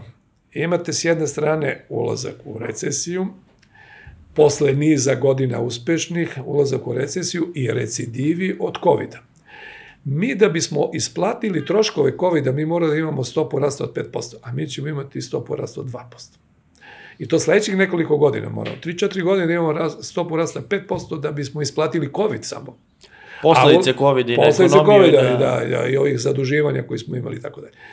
Ulazimo u, u recesiju, svetsku recesiju, gde kamatne stope idu gore, jer kao mera anticiklične politike da bi malo usporile tu inflaciju, i kamatne stope gore idu gore i to će nas da košta mnogo više. Znači, imali smo negativne i Euribore, sad ćemo imati plus 4 ili plus 5. Znači, 5% više na naš, to će, na, na naš dug od e, 30 i nešto milijardi, 32 milijarde, će biti milijardu i po samo na kamate ćemo platiti, plaćati na Euribor. Plus ovaj, Doduše, naše su, dobar deo tih kredita je po starim kamatama, ali imamo i po novim. Evo sad smo uzeli 1,7 milijardi, uzeli smo po novim kamatama. Od koga? Od komercijalnih banaka su se pojavili, izdali smo obveznice, ove bondove. I to je jedna tendencija da se beži iz komercijalnih preduzeća u bondove, u, u, u državne obveznice. E, Seda, e, ispod 7 je bilo 6, 80, 90. To smo ispod očekivanja, mislili smo da će biti 7,5. Ovo je ipak dobro prošlo. Ali to, to su ogromne cifre, znači skoro 2, 2, 2 milijarde na, na, na kamate. I Šta sad to znači za, za privredu? Spomenuli ste sad uh, tržište nekretnina koje divlja kod nas. Pa, um, usporit će se jedno i drugo. I privreda se usporava, uh, usporit će se uh, strane direktne investicije. Uh, mi smo imali enormne investicije. Prošle godine 4,4 milijarde, preprošle 3,9 milijarde. 60% svih investicija u regionu su bile u Srbiji. Potpuno neverovatna slika, niko to nije očekivao. Nijako skeptik, katastrofičan. Ali je fantastično odrađeno e, zato što su formirali specijalan tim za dovođenje stranih investitora, e, taj neki fast track postoji i, i Danilo Cicmil, naš, e, koji je zadužen za to, je, e, je američki đak koji razume potrebe stranih investitora i on je 260 fabrika za 5 godina do, ili 6 godina dovedeno od. To je jedan fantastičan rezultat. S tim, moja sugestija da se sad više ne ide na obične fabrike, standardne fabrike, nego se ide samo na tehnološke. I mislim da će to biti na visokotehnološke fabrike, bi- bilo da je to u oblasti e, proizvodnje industrije, bilo da je oblasti iz biotehnologije, i sad se planira i biotehnološki ovaj kompleks ceo, ceo na, na Voždovcu, koji će koštati oko 300 milijardi, koji će pri- privući mnogobrojne start-upove. 300 milijardi. E, e, izvini, 300 miliona, 300 300, miliona evra, zajedno sa Evropskom unijom. To je, to je projekat Jelene Begović, ministarke. Ovaj, on, mislim, ona ga vodi i, i to treba da malo preokrene srpsku privredu. Jer kažemo, što će se desiti u ovih godinu, dve dana, ta perfektna oluja. Mm, Imamo problem od covid od ranije. Ulazimo u, u, recesiju sa većim kamatnim stopama, imamo energetsku krizu, znači povećan je e, cene energenata. Prošle godine su e, 1 megavat struje za preduzeće koštao 48-50 evra. Danas je 105 subvencionisan od strane države. Inače, na tržištu je 200-300 e, evra. Znači, 4, 5, 6, 7 puta skuplje struja košta nego što je, slično će se desiti i sa naftom i sa gasom. Prema tome, i to treba da ukalkulišemo ovo što će se desiti Srbiji, mada mi smo žilav narod, ovaj, snalazimo se i e, imamo još uvek poljoprivredu dosta dobru, ova godina će biti dobra, prošla godina, godina bila loša za poljoprivredu, će godina biti dobra, tako će to možda malo da nadomesi da nam da malo bolji rezultat e, od ova 2%. A ostale industrije, sad spomenuli ste direktne strane investicije, strane investitore, vi kao privrednik, kakvi su uslovi sad za domaćeg privrednika i za strane investitore? O, mislite na subvencije? Pa da. Pa do 2014. to je izjednačeno, da ranije su bile subvencije samo za strane investitore. Od 2014. je to izjednačeno, ali e, u praksi nije. Kao što kažu da žene imaju istu platu koji muškarci formalno, ali u suštini to i nije tako.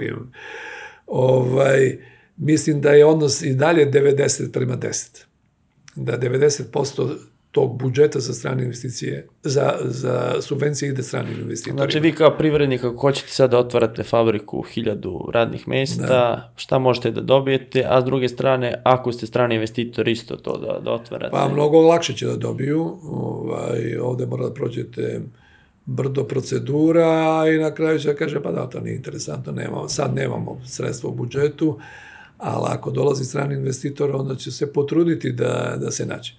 Ja se slažem da treba to tako i da bude, ali ono što sam malo prepomenuo, čega? tehno, tehnologija. Ako donesu visoku tehnologiju, nešto što će Srbiju postaviti na mapu sveta koji je jedinstvenu, onda je to u redu i da mogu generacije mladih e, zaposlenih koji će se zaposliti u fabrik da nauče e, tehnološke stvari, procese, onda sam saglasan sa tim. Ali ako treba da otvorimo još jednu fabriku koja će da mota kablove, onda sam apsolutno protiv toga. Da nama više motalice kablova nisu potrebne. Ne? A, spomenuli smo i tu krizu 2008. Vama koji ste imali sistem tada od nekoliko hiljada zaposlenih, kako je vas to pogodilo? Pa, e, sama kriza ne toliko, nego e, neodgovornost naše vlade koji su pričali da neće biti devalvacije, nikad to neće dozvoliti, a onda se desile dve devalvacije u dva meseca, 20% ime. Znači, mi koji smo imali u tom momentu robe za 30 miliona u evrima, predato lancima ovaj, e, na, na, na, na prodaju, oni ti plate posle tri meseca, umeđu vremenu imaš dve devalvacije i izgubiš 6 miliona. A onda ti sledećeg meseca nastavljaš da kupuješ e, tu robu po, po tim visokim cenama, a prodaješ je po onim starim niskim cenama, jer niko Svi su bili u šoku, stala je kompletna prodaja, da bi održao ugovore, ti nastavljaš po inerciji da kupuješ po onim nekim e, projekcijama koje su iskazane, koliko ćeš mesečno šta da kupuješ, i, i onda ti dođeš u poziciju da izgubiš 15-20 miliona u tri meseca. Samo za, zbog toga što vlada nije išla na prilagođavanje kursa, nego nagne devalvacije. Evo sada kad bi se desila devalvacija 20%, što svi pričaju da treba da bude, ili 30 čak, da bi to poboljšalo izvoz i verovatno bi poboljšalo izvoz, ali pošto smo mi visoko zavisna ekonomija, brdo sklopova i energenti su ti iz izvoza, pa kad bi se povećala cena e, energenata i sirovina, na isto bi ti se manje, manje više isto bi se svelo, e, samo bi se uštedelo na radnoj snazi, ako radnoj snazi ne bi povećao platu, a, ili ako država ne bi povećala cene energenata. Jer samo, samo bi tu nešto sitno uštedao, inače sve ostalo je naša ekonomija duboko integrisana u, u, u evropsku ekonomiju, čak 65% našeg spoljnotrgovinskog prometa je sa Evropskom unijom. I sad ide priča šta ako, nas, ako nam uvedu sankcije, ako se povuku strane investicije. Mogu strane investicije da, da se povuku sad preko noći Srbije? Pa to je malo verovatno. E, ono što može da se desi, e, da će, mogu da se povuku kad im isteknu neki ugovori, ili kad oni zapadnu u neku krizu pa im nije, nisu potrebna više toliko pogona po svetu, pa mogu da odluče koji će pogon da zatvore. Ali u ovom momentu da bude neka nagla uh, odluka nekog centralnog organa da se povlače, to, to ne može da se desi. Prvo što niko iz Evropske unije neće da nadoknadi štetu tim privatnim investitorima ovde.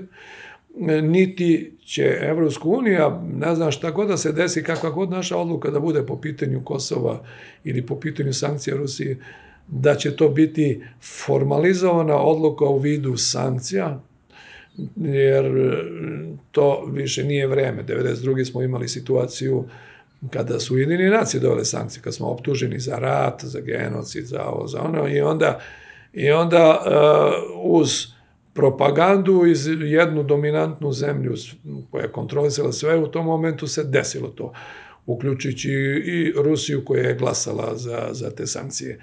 Jer su i oni bili pod, na neki način pod nekom vrstom okupacije ili, ili uticaja zapadnog, jer su oni desperatno želili da se približe zapadu u tom momentu, pa su i nekritički neke stvari donosili. U ovom momentu tako nešto nije moguće. Mogu da budu tihe sankcije neke, da se povlače, da banke manje daju novca, kao što je i bilo s 2008. Da su prestali da daju kredite banke. Mi smo naš bankarski sektor zatvorili, dali ga strancima, oni prestali da daju kredite, jer rekli su mi mora da se vratimo u naše zemlje da sačuvamo naše ekonomije. Pa se onda napravio bečki dogovor gde je dogovoreno da se nivo investiranja i davanja kredita zadrži na nivou e, tog e, septembra kad je pao Lehman Brothers. Inače bi naša ekonomija imala ogromne probleme tada. Tako da, mm, to može nešto blago da se smanji, da se pošalje neka poruka, ali ja mislim da će i naše političko rukovodstvo da nađe izlazak iz ovoga, da neki kompromis će da se napravi tako da nećemo biti u toj situaciji. Inače, bilo bi jako teško. Posebno sad kad smo se toliko i otvorili, kad je naš i narod naviku i da putuje bezvizno vraćanje na, na vizni režim, komplikacije oko uvoza, komplikacije oko dobijanja kredita, pristupnih fondova Evropske unije koje su sa već i HIPART fondove koje to već zaživelo kod nas je bi bilo problematično. Ali kažem, optimista sam da neće to da se desi. Sad iz plemenitih metala, ruda, ušli ste u zelenu energiju, pričali smo malo pre koliko košta cena za privredu, otkud da. taj prelazak u zelenu energiju i kada ste to ušli? Je, to je ovaj, jedan svetski trend koji, za koji sam znao da će doći ovde. Kao što smo znali sa Sonyjem i sa Nikeem, da, da bez obzira što niko ne poznaje te brendove, da će Prel poslu uz našu malu podršku taj efekat ugledanja doći i ovde. Tako je i sa tim. Ja se sećam još kao podpredsjednik Naleda 2011. 12. godine smo pokrenuli jednu inicijativu Zelene energije, koja je tad bilo malo smešno to sve. Mm i podržali smo prvog investitora u, u, zelenu, ener, u zelenu energiju Marka Krandela i tad su i naša ministarstva počela u, u, on je napravio prvi vetropark ovde izvinite i naša ministarstva su počela da razmišljaju i o tome. Nažalost, to sve nije bilo koordinirano, mi nemamo reverzibilnu hidrocentralu koja bi pomogla uh, bržem razvoju vetroelektrana ili solarnih elektrana. Jer tu kod ove zelene energije je problem kada se e, kad stane vetar ili kad nema sunca. Vama EPS i, e, nema dovoljnu e, stru, količinu struje. Mora ili da uvozi ili sam da je proizvodi. Da bi pokrenuo neke kotlove, to treba dan, dva. Izvinite, a reverzibilna elektrana, ono to uradi u nekoliko minuta. Mi to nismo uradili, valja će sada, postoje neki predlozi, jer su oni ta podrška koja će koja će dati bržem razvoju, a očigledno da cela Evropa ide ka tome, ogromne investicije. Evropska unija je pre krize sa Ukrajinom uh, planirala 1 trilion uh, da da za zelenu energiju. Sad će to i da se duplira, koliko sam uh, čuo da bi se što pre oslobodila od fosilnih goriva.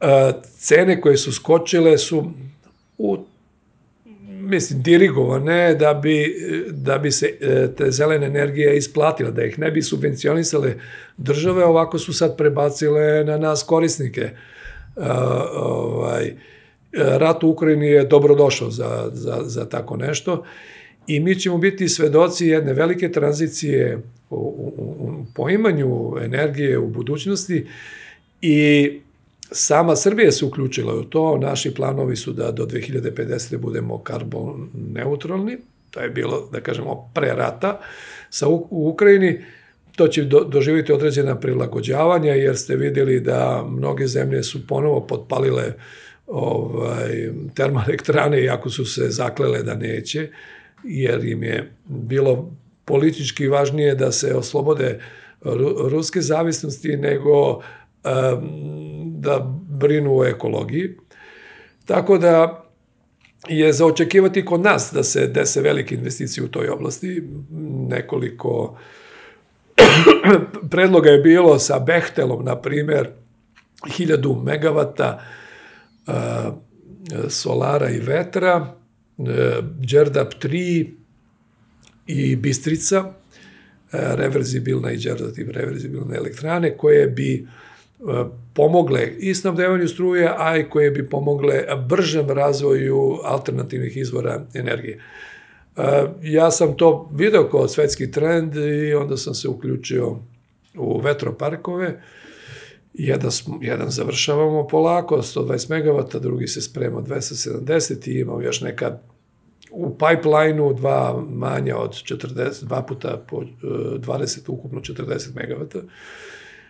Nadam se i sad se spremamo za jedan solar, prvi neki od 5 MW, evo tu je blizu i nešto, neki 20 MW. To je sad mali eks- eksperiment sa solarom. Nisam baš ja kao e, građani ove zemlje baš da nešto mnogo za solar. Mi imamo kvalitetnu zemlju i glupo je da je koristimo za za solar možemo, imamo još uvek neiskorišćenih hidrotokova koje treba da... E su to male hidroelektrane, evo što Ima gledamo i sada. srednjih, ima i srednjih, imate... Je to reka u cevi ili... Ne, ne. Ja, ja sam veliki zagovornik ovih pribranskih elektrana i tu može se napravi lepo jezero, okolo može da se ozeleni s klupama i da to bude stvarno ukras uh, zemlje. Austrija ima 4000 malih hidrocentrala. Uh, primer, prošle godine uh, Švajcarsko, koja je prepuna hidrocentrala, je do- dobila, dala odobrenje za novih 800. Ukupno u Evropi ima 40.000 malih hidrocentrala. Ali koje nisu u cevi. Pa ima ih i u cevi, ali uglavnom su tu pribranske. E, I tu nije čak i ako je u cevi, nije toliki problem ukoliko se sve uradi po projektu i po, po zadatku. I ja sam pristalica lepe prirode i ne bi volao da reke budu u cevima, ali pribranske elektrane ja mislim da oplemenjuju pri- prirodu i da mogu da budu ukras e, određenih delova e, geografskih. E, ali imamo i nekoliko većih, od Buka Bijele do Foče, Pauncija, pa onda 10 na Ibru, Brodarevo 1, 2, a, pa imamo sad i Vlasinske elektrane o kojima se razmišlja. Znači, ima tu i malo većih, tu bi moglo da se sa, Bistri, sa velikom Bistricom i sa Đerdapom, tu možda 3-4 hiljade megavata da se, da se sklopi. Mi inače imamo vetra u ovom momentu 550 megavata samo. Sam. Pola giga. A ovako, uh, jedan Đerdap je 2, 2 giga ima. Znači, mi, sva vetra što imamo je 500. A Dobro, doći će to do, do 1000 megavata kad se završe ovi svi projekti. Tu može da bude usko grlo uh, naša mreža, EMS. EMS je napravljen za ovo kako sad imamo. Sa ovih 260 fabrika koje smo pomenuli i, i novim stambenim zgradama i, i, i klima uređaja i svega i svačega, e, potrošnja se je povećala i, i mi sad moramo i ko zemlja e, da razmišljamo o novim e, e, prenosima energije. I EMS već radi na tome, to je malo, malo sporo i zahtevno i, i komplikovano i, i skupo. I zato treba to usaglasiti. S jedne strane financije, preduzetnički duh je neophodan, e, EMS e, koji treba da, da to sve poveže i da to brzo izgradimo. E Sad, jel mislite da imamo mi sad uh, i radnu snagu i rukovodstvo koje je sposobno da to donese ili moramo da uvozimo što je bila priča iz Norveške da dođe rukovodstvo za... Ja sam optimist i ja mislim da imamo. A, ali kako vreme prolazi, mnogi su ljudi ispali iz e, novih tehnologija i novih znanja. Dao bi ja mali primer, jednom sam radio nešto za Srpsku akademiju nauka, jednu, jednu analizicu, i Svetski ekonomski forum računa, e, ima tu neki 7-8 tirova e, o potencijalima svake zemlje. A što se tiče obrazovanja, oni su izračunali da, da Srbija, to govorimo o rezultatima pre 5-6 godina, u osnovnom obrazovanju se nalazi u 35 najboljih zemalja sveta. U srednjem u, do 60. Sa visokim obrazovanjem do 80 e, najboljih zemalja sa e, fakultetskim e, obrazovanjem. U svetu ili U svetu, Aha. u svetu. A u, u obrazovanju posle završene najviše škole smo na 120. mestu. Znači, jako se malo obrazujemo, jako malo čitamo, pratimo, e, idemo na seminare, e, e, kongrese, da bi proširili svoja obrazovanja, a svedoci smo da smo mi ušli u tehnološku revoluciju i to par excellence tehnološku e, revoluciju. Od, arti, a, od veštačke inteligencije, ovo, ili od interneta do masovne upotrebe kompjutera, pa naši telefoni koji mi sad imamo, imaju 10 više puta ili 20 puta više memorije nego što su imali uh, Apollo 11 koji je sletao na mesec. Imaju više. Naš telefon je toliko dramatično tehnološki bolji u odnosu na svu tehnologiju koju je imao i lunarni modul i, i kapsula Apollo 11.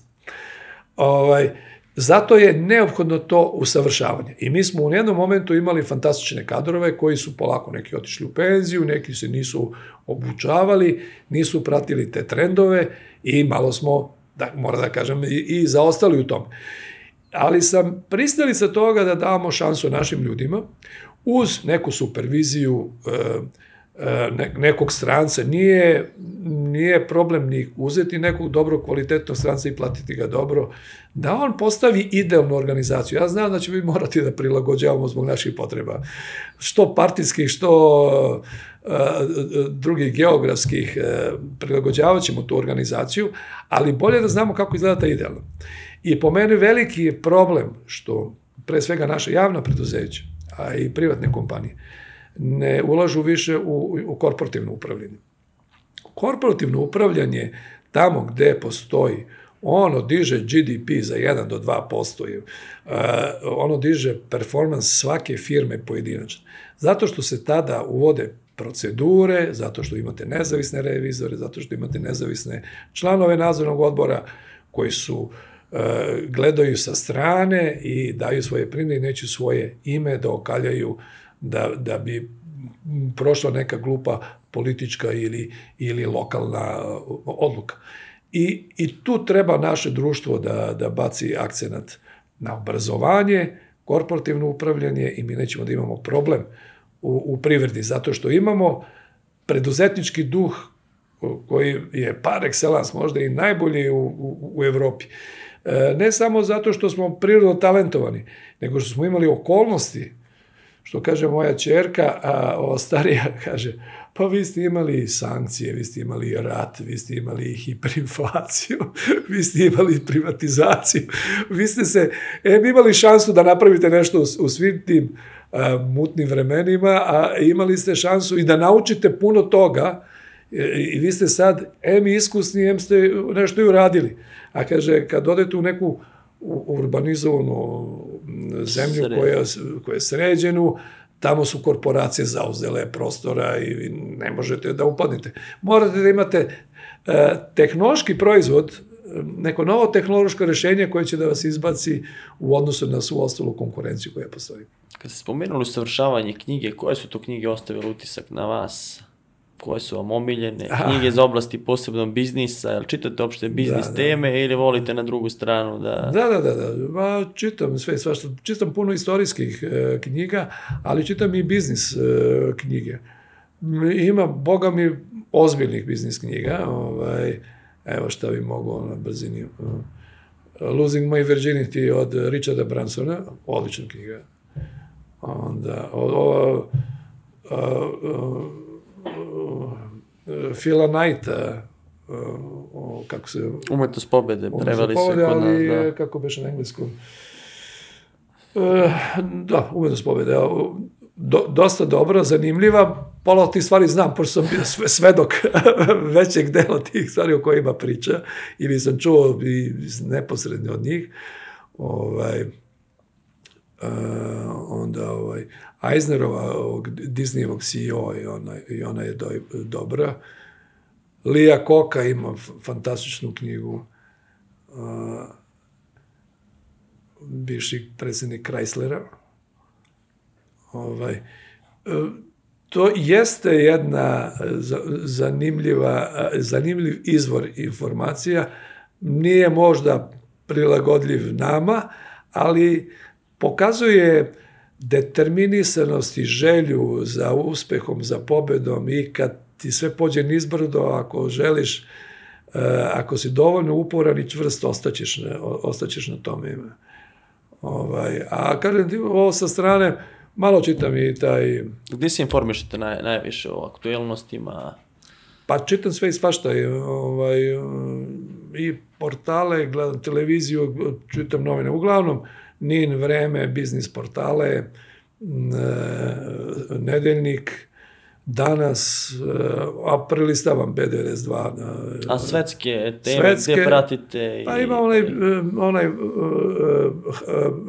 Harvard Business Review, to mi, to mi dolazi, to malo čitam ovako, a opšte globalno, zato što sam aktivan i, u- i, i u toj oblasti preko Koponik Business Foruma, u kome sam već 20 godina, pa pratite trendove, jako, jako neki menadžer ne mora da znam koliko je GDP Srbije, da li je 63 ili 65 milijardi, koliki je izvoz Srbije, što, što bi ja to morao da znam. A mene to interesuje, gledam ja i svetske trend gledam i, i koliki je grčki GDP, i kakva je struktura, i kakav je ruski, i kakav je američki, gde je Kina u odnosu na Rusiju, to me zanima, pa moram da, platim, da pratim te e, Bloomberg isto je dobar izvor informacija.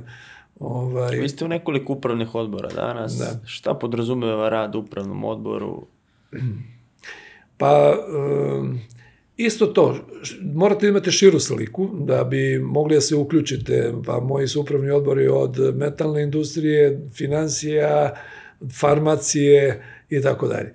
Znači, potpuno su sve različite oblasti, ali za sve je jedna zajedničko, znači, opšta, e, opšti trendovi svetski, u kom pravcu sve, sve to ide, šta nas očekuje šta, šta nas očekuje sa strane naše vlade i, i, i naših e, e, trendova ovde da bi mi kao preduzeće mogli da se prilagodimo. Mogu, jako sam zadovoljan što su sva četiri preduzeća gde sam e, jako uspešna i funkcionišu, čak su za ovih nekoliko godina napravili odlične rezultate. Ovaj, naravno, to je pre svega zasluga njihova, e, menadžmenta i zaposlenih, ali s naše strane uskočimo, pomognemo kad je teško ili kad vidimo da je neki problem ili s nekim kontaktom ih povežemo i razrešimo neki problem gde je menadžment se zaglibio i ne vidi kako da izađe iz toga, mi sa strane kad gledamo lakše to vidimo i, i rešavamo te situacije. Tako da, e, upravo je i kad sam govorio o korporativnom upravljanju, to naše iskustvo i znanje koje imamo i kontakti mogu da doprinesu i meni je žao što javna preduzeća ne koriste više eksperte nego koriste političke ljude ili rešavaju neke finansijske probleme nekim svojim e, ljudima umesto da stvarno stave e, stručnjake koji imaju znanje i iskustva koji mogu da pomognu tim preduzećima, da formiraju pre svega dugoročnu strategiju, a onda povremeno i da reše neki konkretan e, problem. I s treće s strane, tu je kontrola. Mi smo i odgovorni za kontrolu i svojim imovinu. Da, da, da će to biti tako kako jeste. I, i onda se i oni menadžeri ne usuđuju da nešto provuku što nije zakonito i mislim, mada u ovim firmama u kojima sam to nije ni, ni, ni pitanje. Ali vas pitaju preduzetnici za savete. Pa često mi se desi da, da i na ulici ili me neko preko nekih društvenih mreža pozove pa da pita šta bi uradio ili da bi mogao da ga povežem s nekom bankom i tako nešto. Ja to, to uradim, nije mi teško. I, ono, ovaj, znam, znam kako im je posebno u nekim kriznim situacijama. Neki put se i vidim pa popričamo. A iz kojih oblasti su najčešće ti problemi generalno kad pričate sa preduzetnicima, manjim, većim? Uglavnom su financije. Da, da im treba još novca da bi završili projekat ili da bi refinansirali e, tako nešto ili e, su opšta pitanja u, u kom pravcu treba da idu, da li levo, da li desno, da li gore, da li dole, da li da usporavaju ili da ubrzavaju. A na ulici me često sretnu ljudi pa pitaju kakva će sledeća godina da nam bude, šta možemo da se Kao nadamo. prorok. pa dobro, ajde, da li će biti bolje, ili će biti gore, ili imamo razloga da se plašimo, šta će biti s cenama nekretnina i tako nešto. Predviđate da će se to tržište nekretnina kod nas normalizovati? Da, do kraja godine, ne, neće odmah još nekoliko meseci ima ovako, ono će se zaustaviti. na- A na pad neke- neki se očekuje ili... Što se tiče cena, ne, ne očekujem veliki pad cena. Držat će se na ovom nivou e, možda 10 ili 20% na pojedinim mestima. Tamo gde ima puno stanova gde su napravljeni, gde, gde se pravi 300 ili 500 stanova, e, neće moći da prodaju po tim cenama po koji se... Tamo gde su manje ekskluzivnija mesta, pa 2 ili 4 ili 6 stanova, tu će, tu će cena i da se zadrži. Ali ako gledamo 2008 boga mi, e, pala je i tražnja i cena 2008.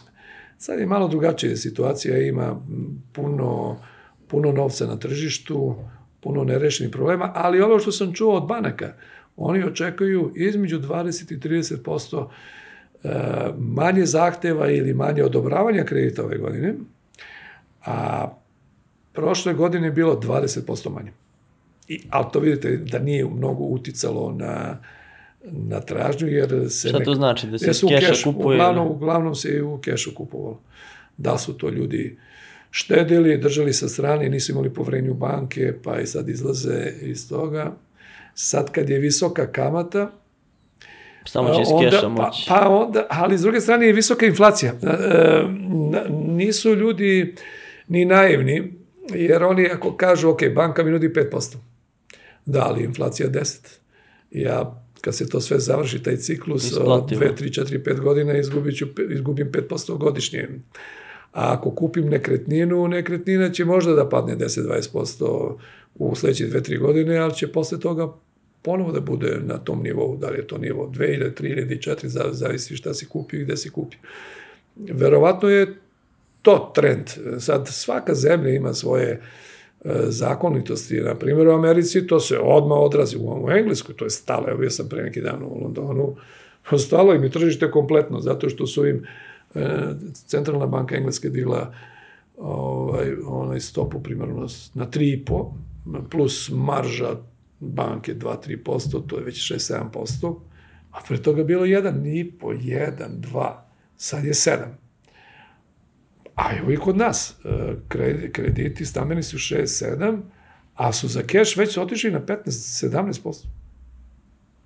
I to će da uspori, uspori tražnju, morat će da uspori inflaciju. E, Centralna banka naša, inače mora da ih pohvali, mislim, dosta dobro, dosta dobro vodi to Jorgovanka, e, mora da priznam da mnogo bolje nego što smo svi očekivali i oni predviđaju usporavanje inflacije i kod nas, koja je nominalna 12-13%, kažu da je 15-ak. E, međutim, tu je sad i obračun inflacije, kako se sad inflacija poslednjih deseta godina 15 obračunava ovaj, kad su troškovi života, kao što je nekada bilo pre 20 godina, troškovi života su bili glavni u, to bi inflacija možda bila i 20%, je. ali obzirom da to sad raspoređeno i na neke cene koje ne idu tako brzo, onda je to u inflaciju umereno. Problem je po meni što je inflacija u Evropi velika, 10%. To je ogromna inflacija. A šta savjetuje, fiksna e, kamatna stopa ili fleksibilna? Kad pričamo o kreditima za stambenim, Pa sada, sada je možda kasno za fiksnu kamatnu stopu, već je otišla gore. Možda još uvek će da ide malo, malo gore, ali zavisi na koliko godina. Na tri godine ako fiksirate, to je tu negde. Ali ako je na 5 i 7, ja očekujem da će pasti, da, da će se vratiti. Ceo kapitalizam je u ciklusima. O, ti cikli su nekada bili brži, deseta godina, sad su se malo razvukli, u- upravo zbog toga što e, i nove tehnologije i nove e, e, pojeftinjenje proizvodnje, s druge strane uk- uključivanje e, istočne Evrope 90. godina, to je proširilo njihove e, proizvodne kapacitete, prodaje sa, e, zapadnih proizvoda. Uključivanje Kine je ponovo malo, malo rasteglo taj, taj, pa i sad Indije, pa evo BRICS je ojačao, znači vi sad, imate nova svetska tržišta gde se robe prodaju, pa se taj ciklus malo razvukao, evo prošla je bila 2008 mi sad imamo 2020, znači 14 godina je sada ovaj ciklus. A prethodni je bio 7, 89. na 2008. 89. Tad smo, tad je bio završio se 92. 92. ciklus, ulaskom e, e, o, istočne Evrope u, u kapitalizam. Tu se otvorilo brdo prilika i kupovina, jeftina kupovina preduzeća i prodaja opreme i svega i svačega. I zato je taj period bez krize potrajao do 2008. Toplice, hvala što ste bili gost Biznis priča. Hvala i vama na zanimljivim pitanjima i što sam mogao da prenesem deo nekih mojih znanja i iskustava, a, možda će to nekom biti od koristi. Nadamo se, a mi se vidimo na konferenciji Biznis priče u Novom Sadu 5. i 6. aprila.